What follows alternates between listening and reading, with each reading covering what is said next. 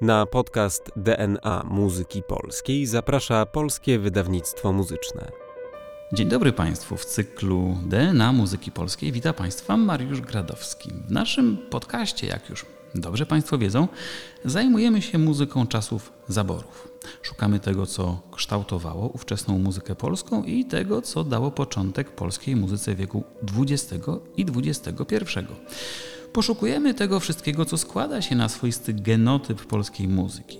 Brzmienia, rytmy, formy, skale, kompozycje. Zajmujemy się twórczością kompozytorów znanych, ale też poznajemy twórców mniej znanych, czy wręcz nieznanych. Dziś będziemy rozmawiali właśnie o takiej mniej znanej postaci, o Józefie Nowakowskim. W naszym cyklu Agata Kwiecińska rozmawiała z Marcinem Zdunikiem o kwintecie fortepianowym tego kompozytora, a my dziś spojrzymy na tę postać i na tę twórczość nieco szerzej, jak z lotu ptaka, możemy tak powiedzieć.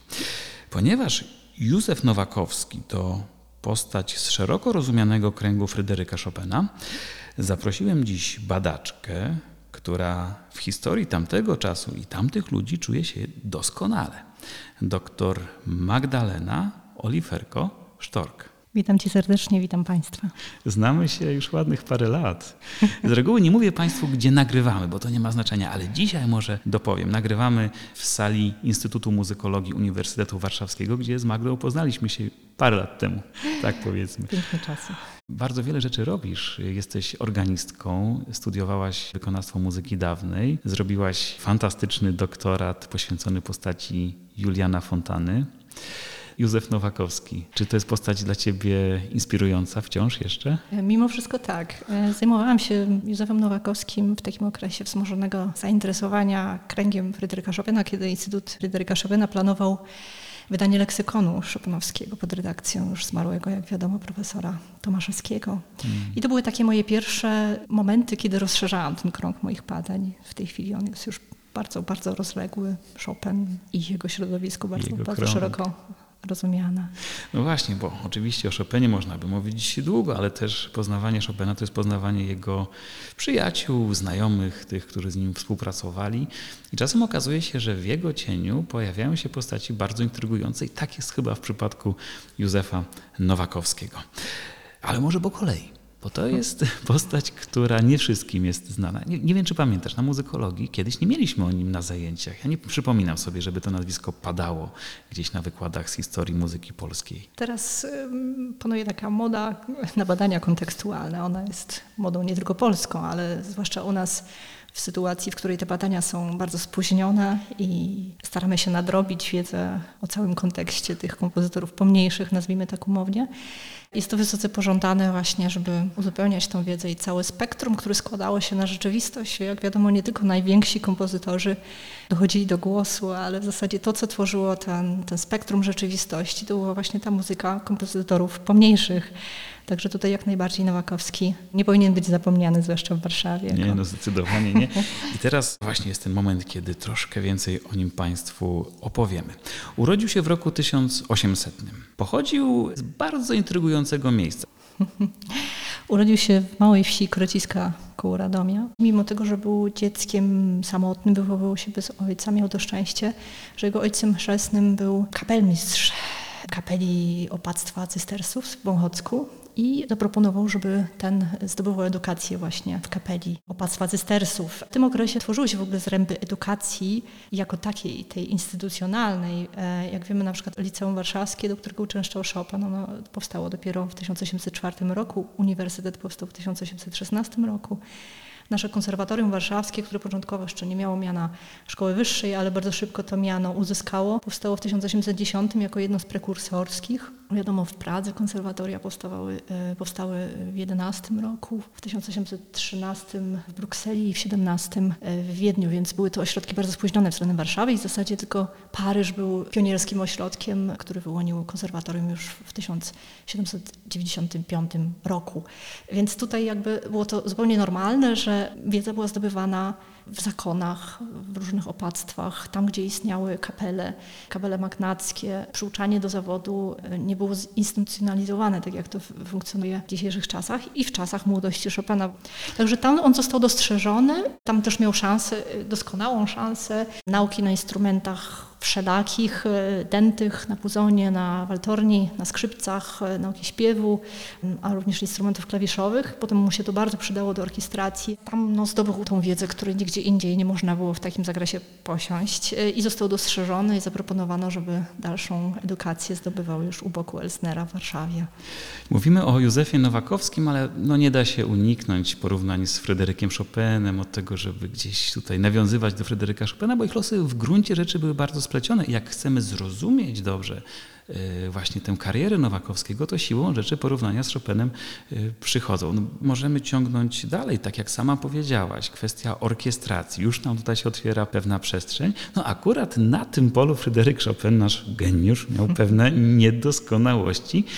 No ale teraz to możemy dopowiedzieć. Nie za wiele możemy powiedzieć o muzyce symfonicznej Józefa Nowakowskiego. Nie za bardzo możemy docenić to, co robił i ocenić, jak bardzo wyprzedzał Fryderyka Chopina, bo jego utwory się nie zachowały niestety. Utwory symfoniczne nie zachowały się, natomiast y, zachowała się część repertuaru kameralistycznego z całkiem doskonałym, można by rzec, kwintetem fortepianowym, w ostatnim czasie też często wykonywanym i nagrywanym. I on daje tutaj miarę y, jego sposobu myślenia o instrumentacji, którą możemy przełożyć na, na jego sposób myślenia, na rekonstrukcję jego sposobu myślenia o orkiestracji. A, y, Natomiast tutaj bym też zwróciła uwagę na sam fakt, że Nowakowski odważył się napisać symfonię. Chopin nigdy nie odważył się napisać ani jednej symfonii, ani jednej opery. Te dzieła orkiestrowe można powiedzieć, że były pisane w pewnym sensie za karę, jako e, te utwory, które pozwalały mu zaliczyć e, studia u Elsnera i to było konieczne. Elsner jako wykształcony klasycznie muzyk uważał dzieła klasyczne, sonaty, symfonie, wielkie formy za dzieła doskonałe, jednakże e, w Polsce te dzieła ze względu też na obsady i na małe możliwości wykonawcze, związane też z kosztami, nie można było tych utworów często wykonywać, przynajmniej w całości. Także wiadomo, że studia się rządzą jednym prawem, a potem hmm. życie realne, już w życiu dojrzałym, y, wszystko się wiąże z ogromnymi kosztami i te obsady oczywiście to było wszystko nie, nie, niewykonywalne w takich, w takich obszarach. Zerknęliśmy na sekundę w stronę twórczości i jeszcze do niej wrócimy. Pomyślałem sobie, że dobrze będzie, jeśli naszą rozmowę poprowadzimy. Yy, wspomniałaś już profesora Tomaszewskiego świętej pamięci. Człowiek, dzieło, rezonans. No to jeszcze wróćmy do człowieka. O wczesnej edukacji Józefa Nowakowskiego powiedzieliśmy, o tym jego multiinstrumentalistycznym doświadczeniu również, no ale teraz też padło już nazwisko Józefa Elsnera nieprzypadkowo, bo w którymś momencie Józef Nowakowski trafia do Warszawy i trafia pod skrzydła Józefa Elsnera. I nie tylko Elsnera, ale też e, oczywiście Wyrfla, doskonałego organisty i fortepianisty, co zapewnia mu możliwość kształtowania tego profilu pod najlepszym okiem. Elsner na pewno kształtuje jakoś jego wyobraźnię harmoniczną, ale przede wszystkim wyobraźnię formy, tej klasycznej, idealnej formy estetyki, i daje mu taki trzon stylu klasycznego, który cały czas pobrzmiewa e, w jego twórczości. Można powiedzieć, że ona jest taką spóźnioną twórczością wczesnoromantyczną. On jest cały czas epigonem już w tych późnych latach, 1850-60, cały czas pozostaje wierny stylowi Brion. A oprócz tego jakby do głosu dochodzi ten głos pragmatyczny, konformistyczny, no, oczywiście realizm i dopasowanie się do gustów publiczności. Wiadomo, że kompozytor nie może tylko idealistycznie komponować do szuflady, ale również musi jakoś odpowiedzieć na gusty publiczności. Powiedziałaś jeszcze o drugim nauczycielu, to może dopowiedzmy, bo to nie jest bardzo znana postać. Może dobrze byłoby, żeby ten kolejny ważny Czech w naszej historii muzyki polskiej został troszeczkę bardziej dostrzeżony. To powinno się zmienić, bo w ostatnim czasie wyszła znakomicie napisana książka. Jest to zbiór materiałów źródłowych interpretowanych przez, napisanych przez Chmarę y, Rzaczkiewicz i jakby rozświetla nam nasze spojrzenie na Wyrfla, który do tej pory był takim profesorem zjawą. On też bardzo krótko przebywał tutaj w Warszawie. W latach 1815-24 wykładał w konserwatorium, po czym wyjechał, wrócił do Czech i koniec życia już spędził w Wiedniu, w Kartneto Teatra. Koncertując tamże właśnie. Natomiast jakby nie jest do końca jasne, czy Chopin mógł u niego studiować, bo wiadomo, studiować w sensie takim czysto formalnym.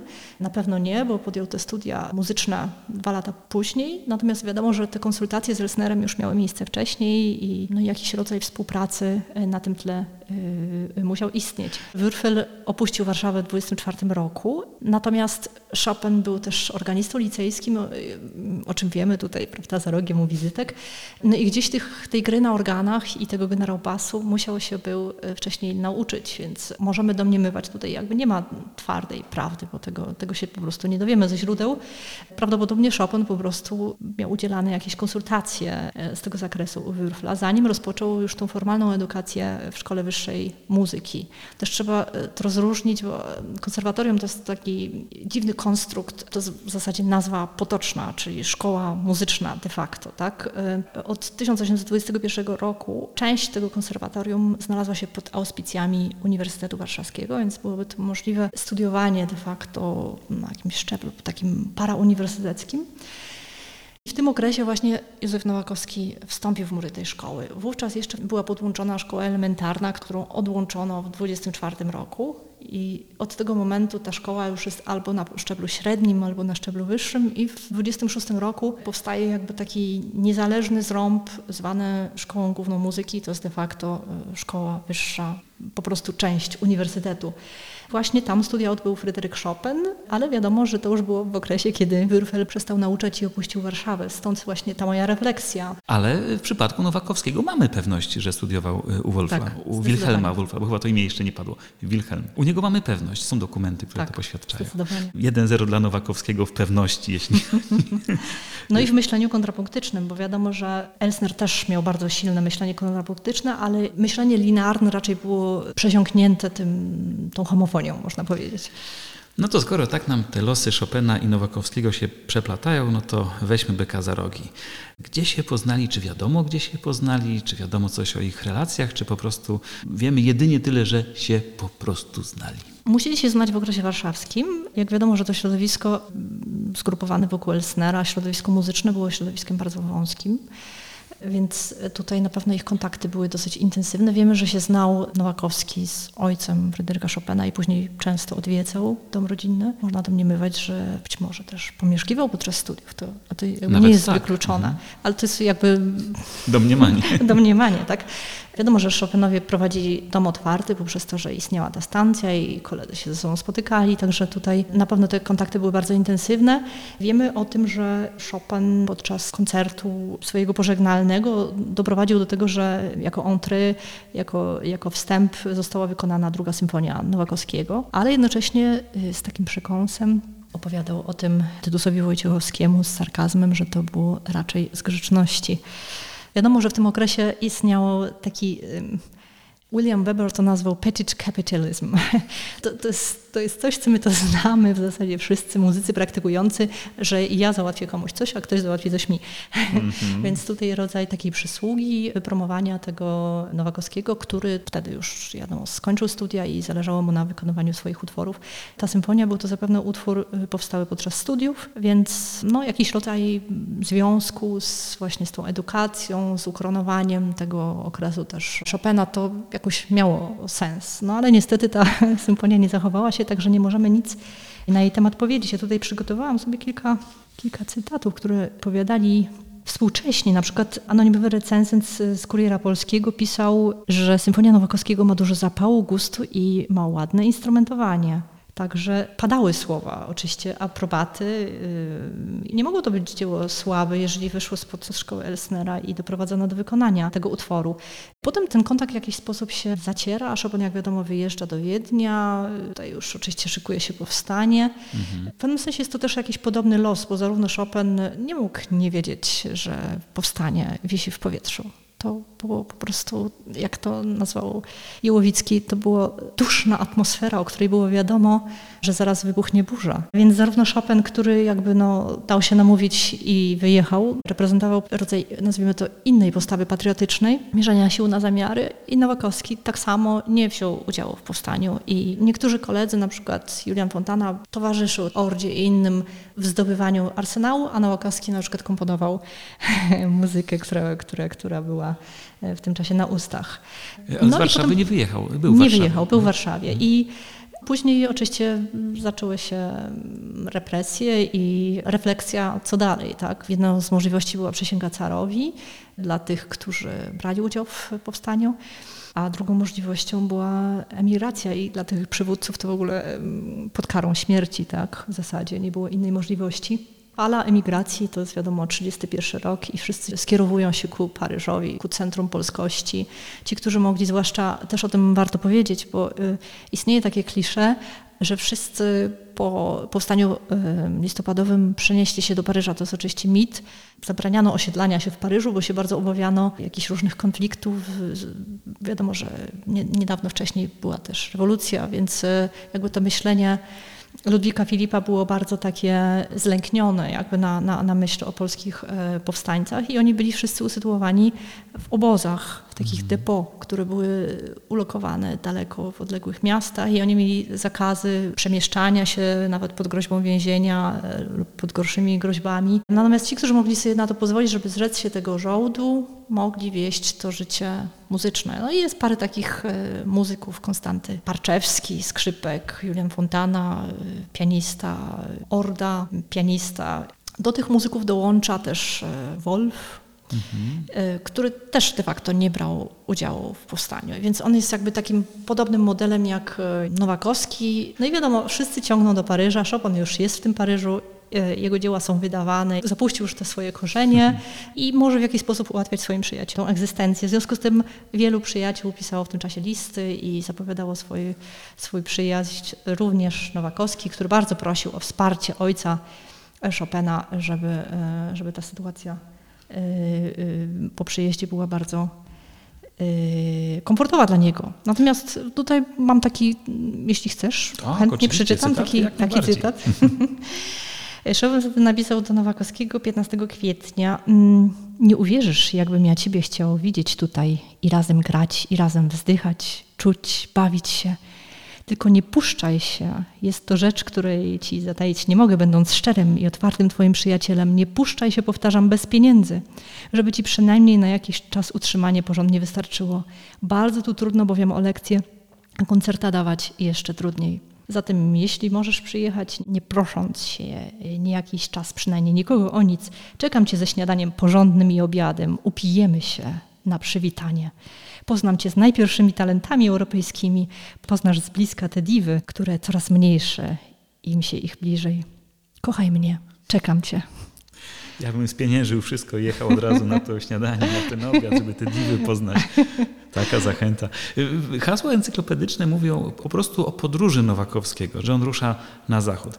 Świetnie, że opowiedziałaś, że to nie było takie oczywiste. Można odnieść wrażenie, że to po prostu podróż artystyczna, ale rozumiem, że jakoś można to też widzieć w kategoriach emigracji polistopadowej. Czy nie? W jego przypadku jakby sytuacja jest trochę inna, prawda, bo wiemy, że on nie musi uciekać. Po przyjeździe on też wykazuje pewną taką postawę konformistyczną, dedykując carowi Mikołajowi swój najdoskonalszy utwór, kwintet fortepianowy. Natomiast na pewno jakaś wola po prostu ucieczki, bo y, jak wiadomo po powstaniu listopadowym wszystko zostało zamknięte, wszystko zostało zlikwidowane, Warszawa stała się de facto prowincją.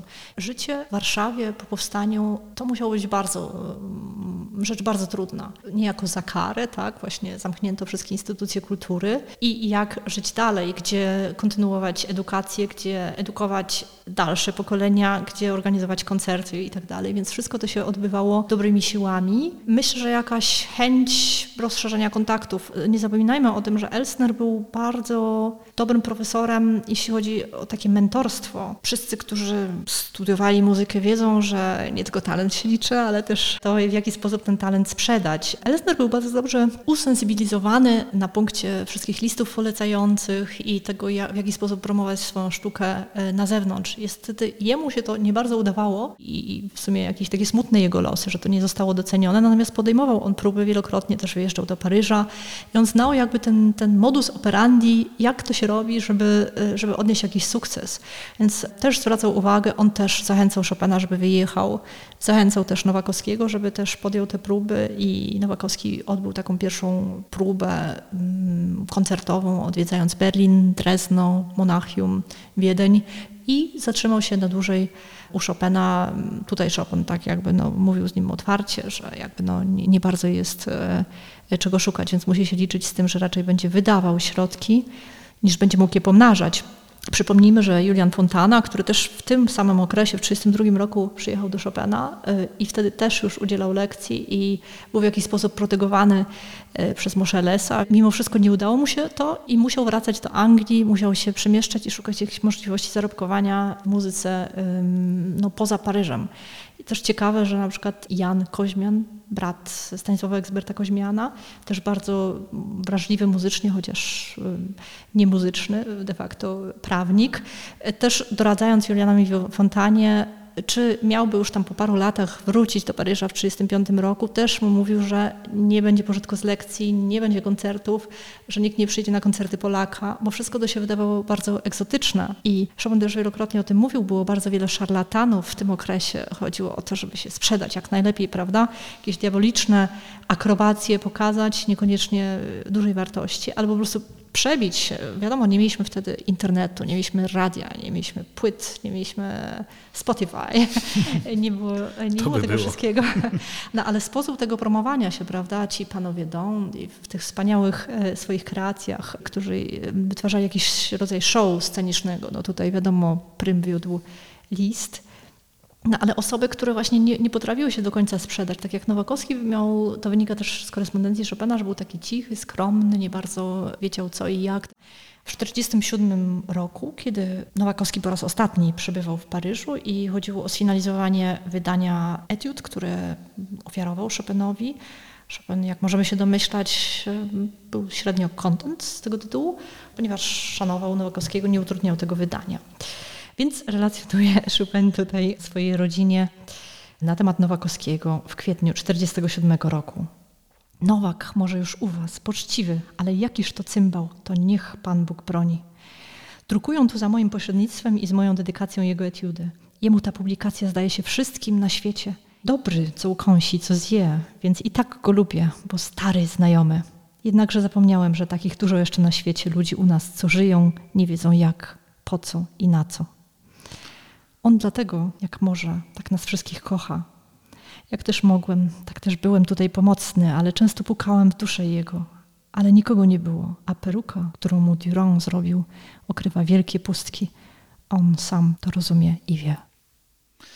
Ojej. Bardzo taki smutny tak, osąd. Tak. No, Zmartwiłem się trochę nad losem Nowakowskiego, ale z drugiej strony no, trzeba pamiętać, że to po pierwsze filtr Chopina trochę tutaj gra, gra rolę, taki jego ostry osąd, y, momentami zbyt ostry, no, ale z drugiej strony może rzeczywiście mówi jakąś prawdę o człowieku. No cóż, może tak właśnie było. Może tak właśnie no, Chopin twierdził, że nie ma się z kim wyjęzyczyć i, i czuł się całe życie samotny, niezrozumiany. Um, Myślę, że tutaj trzeba to podzielić przynajmniej przez dwa, jeśli nie przez cztery. No dobrze, to zobaczmy, co tam dalej u Nowakowskiego. Problemem było to, że nie mówił za dobrze po francusku, a to oczywiście odcinało możliwości poszerzania kręgu znajomości, no, ale wiemy, że też na przykład poznał Schumana. A no właśnie, dobrze, że o tym wspomniałaś, bo to wybija się jakoś w tych zagranicznych wojażach Józefa Nowakowskiego, że razem z Chopinem trafili do Roberta Schumana.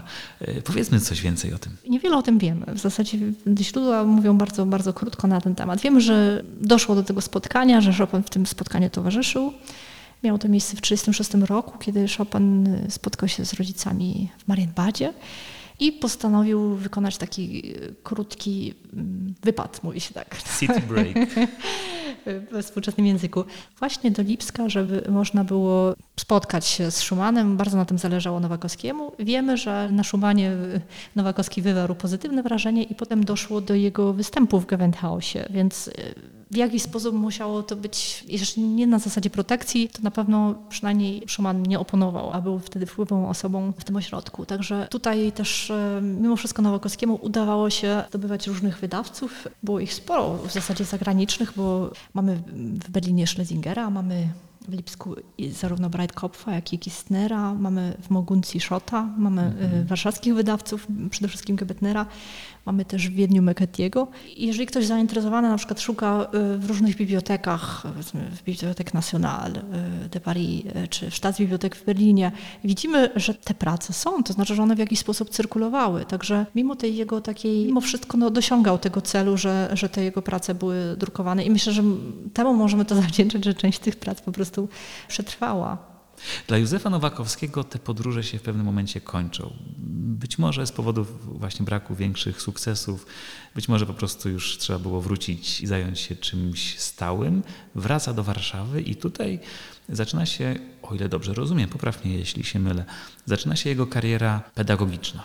Ta kariera, można powiedzieć, że ona trwała jeszcze w okresie, kiedy odbywał pewne podróże, bo to też trzeba powiedzieć, że on wielokrotnie odwiedził Paryż w 1933 roku, w 1938, w 1941 i w 1947. Natomiast ten okres, kiedy on rozpoczął pracę pedagogiczną w Instytucie Aleksandryjskim, bo ten okres od powstania listopadowego do 1861 roku, kiedy powstał Instytut Muzyczny, powstał, został de facto zrekonstruowany, był to okres, kiedy istniała tylko edukacja prywatna lub nauczanie w Instytucie Aleksandryjskim dla nobliwych panien. I tam właśnie zaczął nauczać Nowakowski, ale niestety tą posadę stracił w związku z pewnym romansem. U, Wdał się.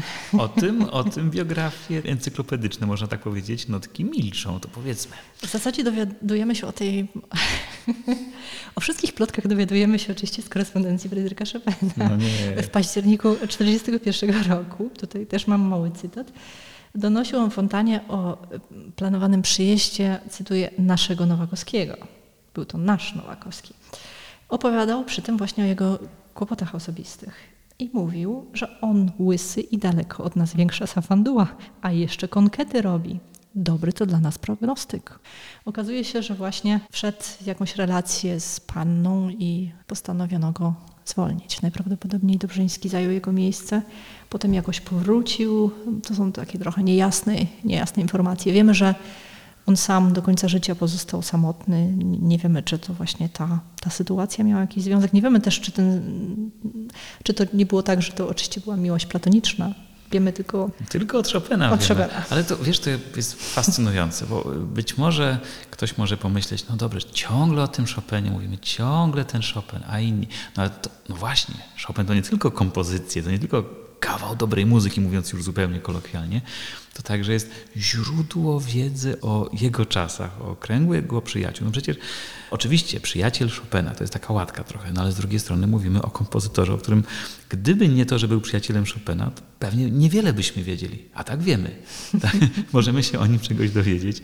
Niech już będzie ta łatka kolega Chopina, skoro to ma nam pomóc zrozumieć trochę to, kim był, jakim był kompozytorem. Mhm. Ta lupa, przez którą Chopin spogląda na swoich współczesnych, jest taką lupą niezwykłego sarkazmu i przerysowania. On też e, potrafił bardzo sarkastycznie wypowiadać się też na swój własny temat, z dystansem ogromnym. Także no myślę, że pewne takie cechy charakterystyczne swojego środowiska doskonale, z ogromnym humorem i z niezwykle bogatym słowotwórstwem potrafił odzwierciedlać.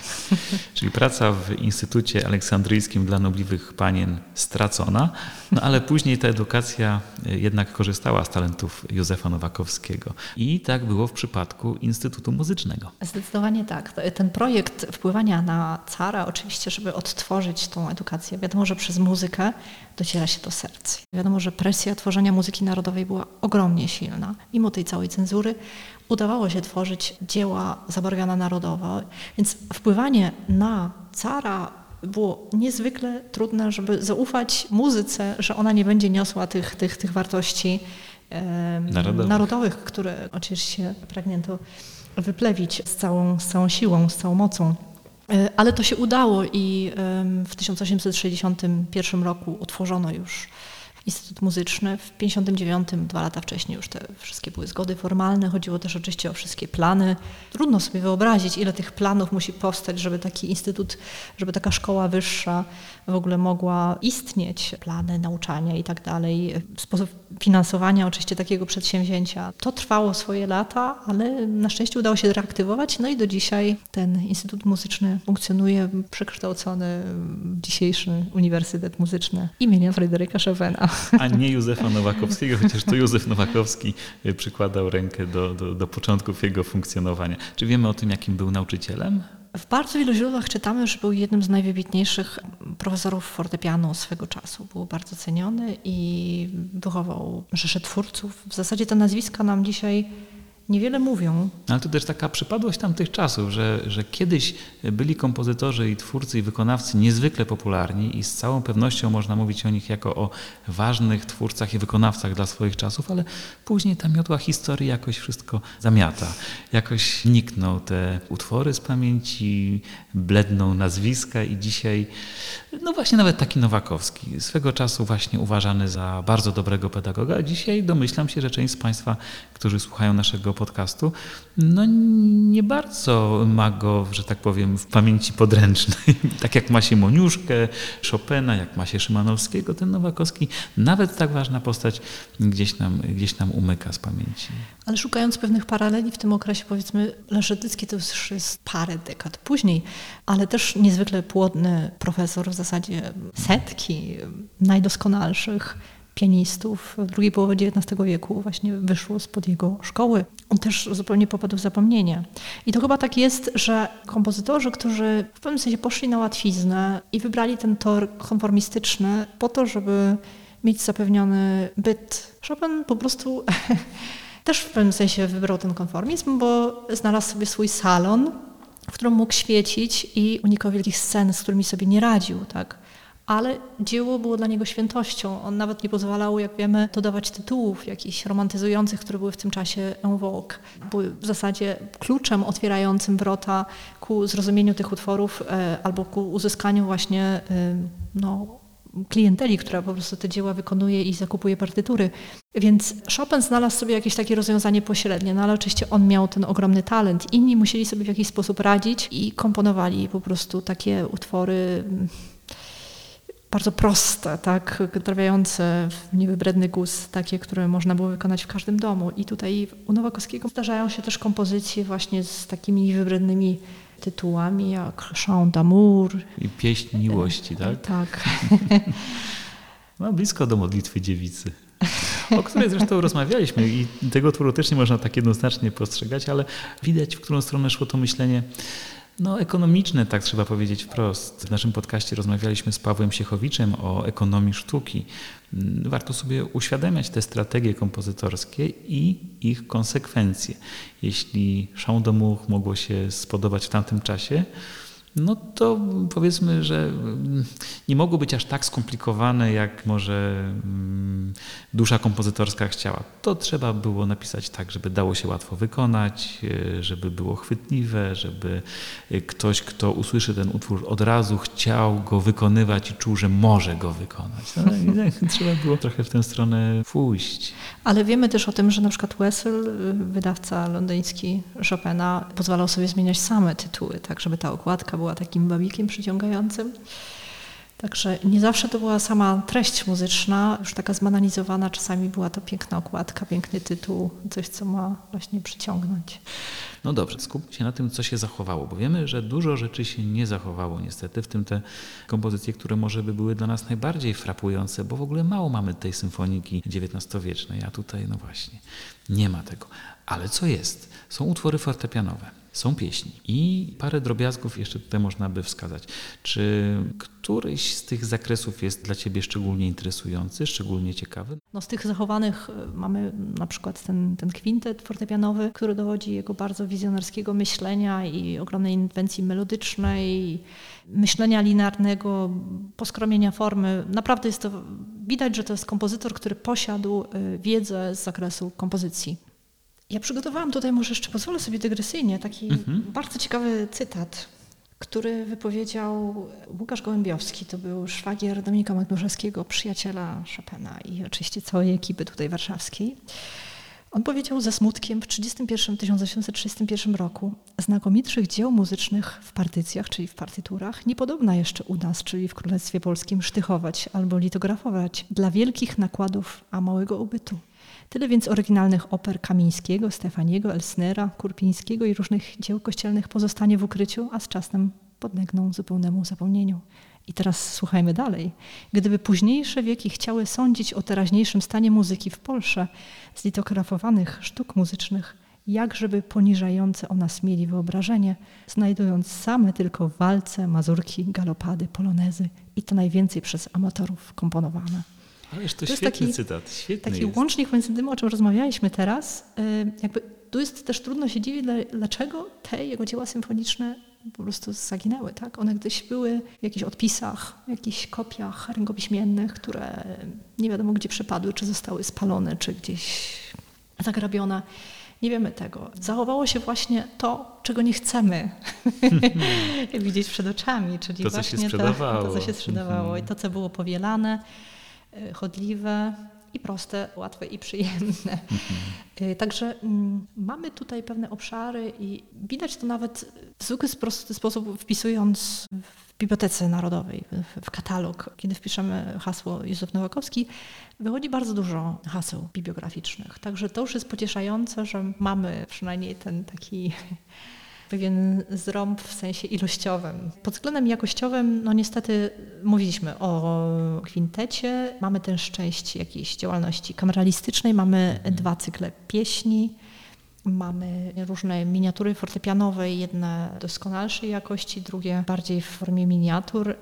Wiemy na przykład, że nie zachowały się dwie symfonie, cztery uwertury, kilka polonezów, mazurów, kwartet smyczkowy, duo na skrzypce, fortepian dedykowany Lipińskiemu. Hmm. Dzieł Kwartet się nie fortepianowych zachował. nie. Tak. Z dzieł fortepianowych powstało około 200 dzieł fortepianowych. To były e, mazurki, polonezy, fantazje, nokturne, etiudy. No, brzmi jak katalog Chopina. Można tak powiedzieć, tak. Dużo nawiązań. No, chyba nawet y, próbował też Barcarolle, z tego co pamiętam. Tak, czyli no, tak jakby ten wpływ Chopina widać także w doborze y, Form. form, które stosował Józef Nowakowski. W zasadzie takie naśladowanie Chopina infantylne, bezpośrednie, to no, decydowali się tacy powiedzmy kompozytorzy albo w okresie poszukującym, tak jak Orda okresu paryskiego czy Julian Fontana okresu paryskiego, zanim nie zdecydowali się na jakieś własne inwencje kompozytorskie. Zwłaszcza Fontana zmienił kompletnie styl, pojechał na Kubę, zaczęła się fascynacja motywami karaibskimi, więc u niego zwłaszcza to było bardzo silne. Natomiast ten pierwszy okres to było właśnie takie kompozycje ala. Nawet ten um, Wolf też zdarzało mu się, że komponował mazurki, jak to nazywał, ala Chopin. E, więc no, jeżeli skomponowaliśmy coś, co jest podobne do, tak jak mamy modę, prawda, wielkich marek typu Gucci, ale mamy też pomniejszych, prawda, imitatorów stylu, którzy oferują ten sam lub podobny produkt w wersji ekonomicznej. I można powiedzieć, że takie imitatorstwo było dosyć powszechne. Natomiast Nowakowski raczej e, miał ten sposób myślenia, sięganie po te same formy, barcarola, ballada, e, właśnie te rzeczone mazurki. Takie utwory, które on uważał, że są więcej warte, oczywiście starał się dedykować odpowiednim osobom. I tutaj mamy taki Grand Polonaise Poetique, dedykowany Karolowi Lipińskiemu. On pochodzi z wczesnego okresu, z 1836 roku i został wydany w Lipsku i Kistnera. Mamy też e, balladę dedykowaną Marii Kalergis i wiadomo, ta dedykacja wirtuozom jakby też implikowała dobór formy i odpowiednich środków kompozytorskich, żeby nie, nie następował żaden blamaż. Dedykował też Barcarole Henseltowi, którego poznał podczas wizyty w Lipsku. I oczywiście ten taki najbardziej doniosły przykład to są etiudy, które dedykował Chopinowi. Chopin się bardzo angażował w to, żeby dopomóc e, w ich wydaniu. No ale mniemanie miał chyba nie najdoskonalsze na ten temat. A co my możemy powiedzieć o tych etiudach? One są ciekawe, są jakoś e, możliwe do porównania z tym, co e, komponował Fryderyk Chopin, czy jednak, jednak jest to zupełnie inna jakość?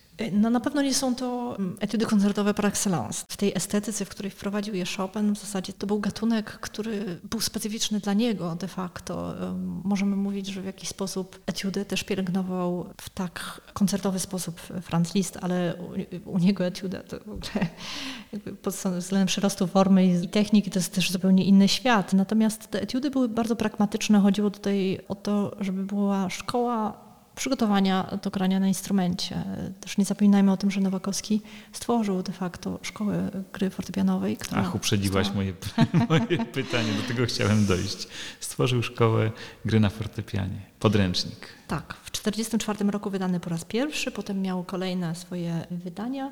I, I, to był sukces, to był rzeczywiście bardzo popularny podręcznik w tamtym czasie. Dużo przekazów świadczy o tym, że był szeroko wykorzystywany i wielu y, uczniów z niego korzystało. Biorąc pod uwagę, że był bardzo popularnym profesorem, na pewno każdy z uczeń, tak jak nie wiem, uczymy się języka francuskiego i korzystamy za każdym razem z tego samego podręcznika, tak? I każdy kursant, który przychodzi, też musi przejść tą samą szkołę. Myślę, że tutaj chodziło o to też, żeby przejąć sposób myślenia, wejście jakby e, w tą muzyczną ideologię albo techniczną też ideologię, ponieważ nie było jakoś bardzo wielu tutaj profesorów wykładających fortepian. Był oczywiście Dobrzyński, e, ale to nie była jakaś taka konkurencja jak w Paryżu, gdzie tych, tych, tych wykładowców było po prostu całe, całe chmary, można powiedzieć. Tak, napęczki. Więc tutaj, tutaj on miał szansę rozwinąć te skrzydła i ten jego podręcznik miał tą, ten walor, że, że, że po prostu rozchodził się jak świeże bułeczki razem, jakby był kompatybilny jakby ze sposobem jego, jego nauczania. Natomiast został wydany powtórnie pod koniec życia, w 1957 roku, pod koniec życia Nowakowskiego i potem reedycja nastąpiła już pośmiertnie. Tutaj przejął redakcję Krzyżanowski, który przez pewien czas był uczniem Chopina w Paryżu. No i pewne rzeczy z tego podręcznika wyrzucił, pewne zachował. Część teoretyczną zachował, natomiast przykłady, ponieważ stały się niemodne, należało to odświeżyć, taki recycling zastosować. Tak to zostało właśnie przekształcone. No, właściwie można to zrozumieć. Czasy się zmieniają, ale niektóre teorie wciąż y, działają, natomiast przykłady, do których są aplikowane, warto odświeżać. To mogę zrozumieć. Niestety zbliżamy się do końca naszego podcastu, ale też y, cóż, w naszej narracji jesteśmy przy Józefie Nowakowskim już pod koniec jego życia. Pojawia się w notce biograficznej taka smutna informacja, że, że ciężko chorował pod koniec życia, że był sparaliżowany. To, to przejmujące. Mm, czy wiadomo coś więcej na ten temat, czy po prostu tylko taka informacja do nas dociera? Być może jakieś pogłębione studia y, wyłoniłyby więcej informacji na ten temat. Wiemy, że odbywały się też koncerty w konserwatorium ku wsparciu jego finansowym. Mhm. Także myślę, że tutaj pogłębione studia by na pewno Tak, że to jest taka przestrzeń jeszcze do zbadania. Tak to. Jak to często bywa, o pewnych rzeczach wiemy więcej, o innych wiemy trochę mniej. O innych już się nie dowiemy, bo utwory zaginęły, ale potem okazuje się za rok, za dwa, że nagle gdzieś ten rękopis wypłynął, że gdzieś to wydanie jest. No i możemy znów rzucać się na te rzeczy. Wydaje mi się, że gdyby któraś z symfonii Józefa Nowakowskiego została odnaleziona, to by była sensacja. To by było coś. Może ta, która została wykonana podczas pożegnalnego koncertu Fryderyka Chopina. Droga Magda, bardzo Ci dziękuję za dzisiejsze spotkanie i myślę, że jeszcze nie raz będziemy rozmawiali o muzyce, o XIX wieku. Bardzo Ci dziękuję. Z największą przyjemnością. Dziękuję Ci pięknie i dziękuję Państwu. A ja zapraszam na kolejne spotkanie z cyklu DNA Muzyki Polskiej. Bardzo Państwu dziękuję. Mariusz Gradowski. Wydawcą podcastu DNA Muzyki Polskiej jest Polskie Wydawnictwo Muzyczne. Zapraszamy na kolejne odcinki oraz do śledzenia naszych mediów społecznościowych.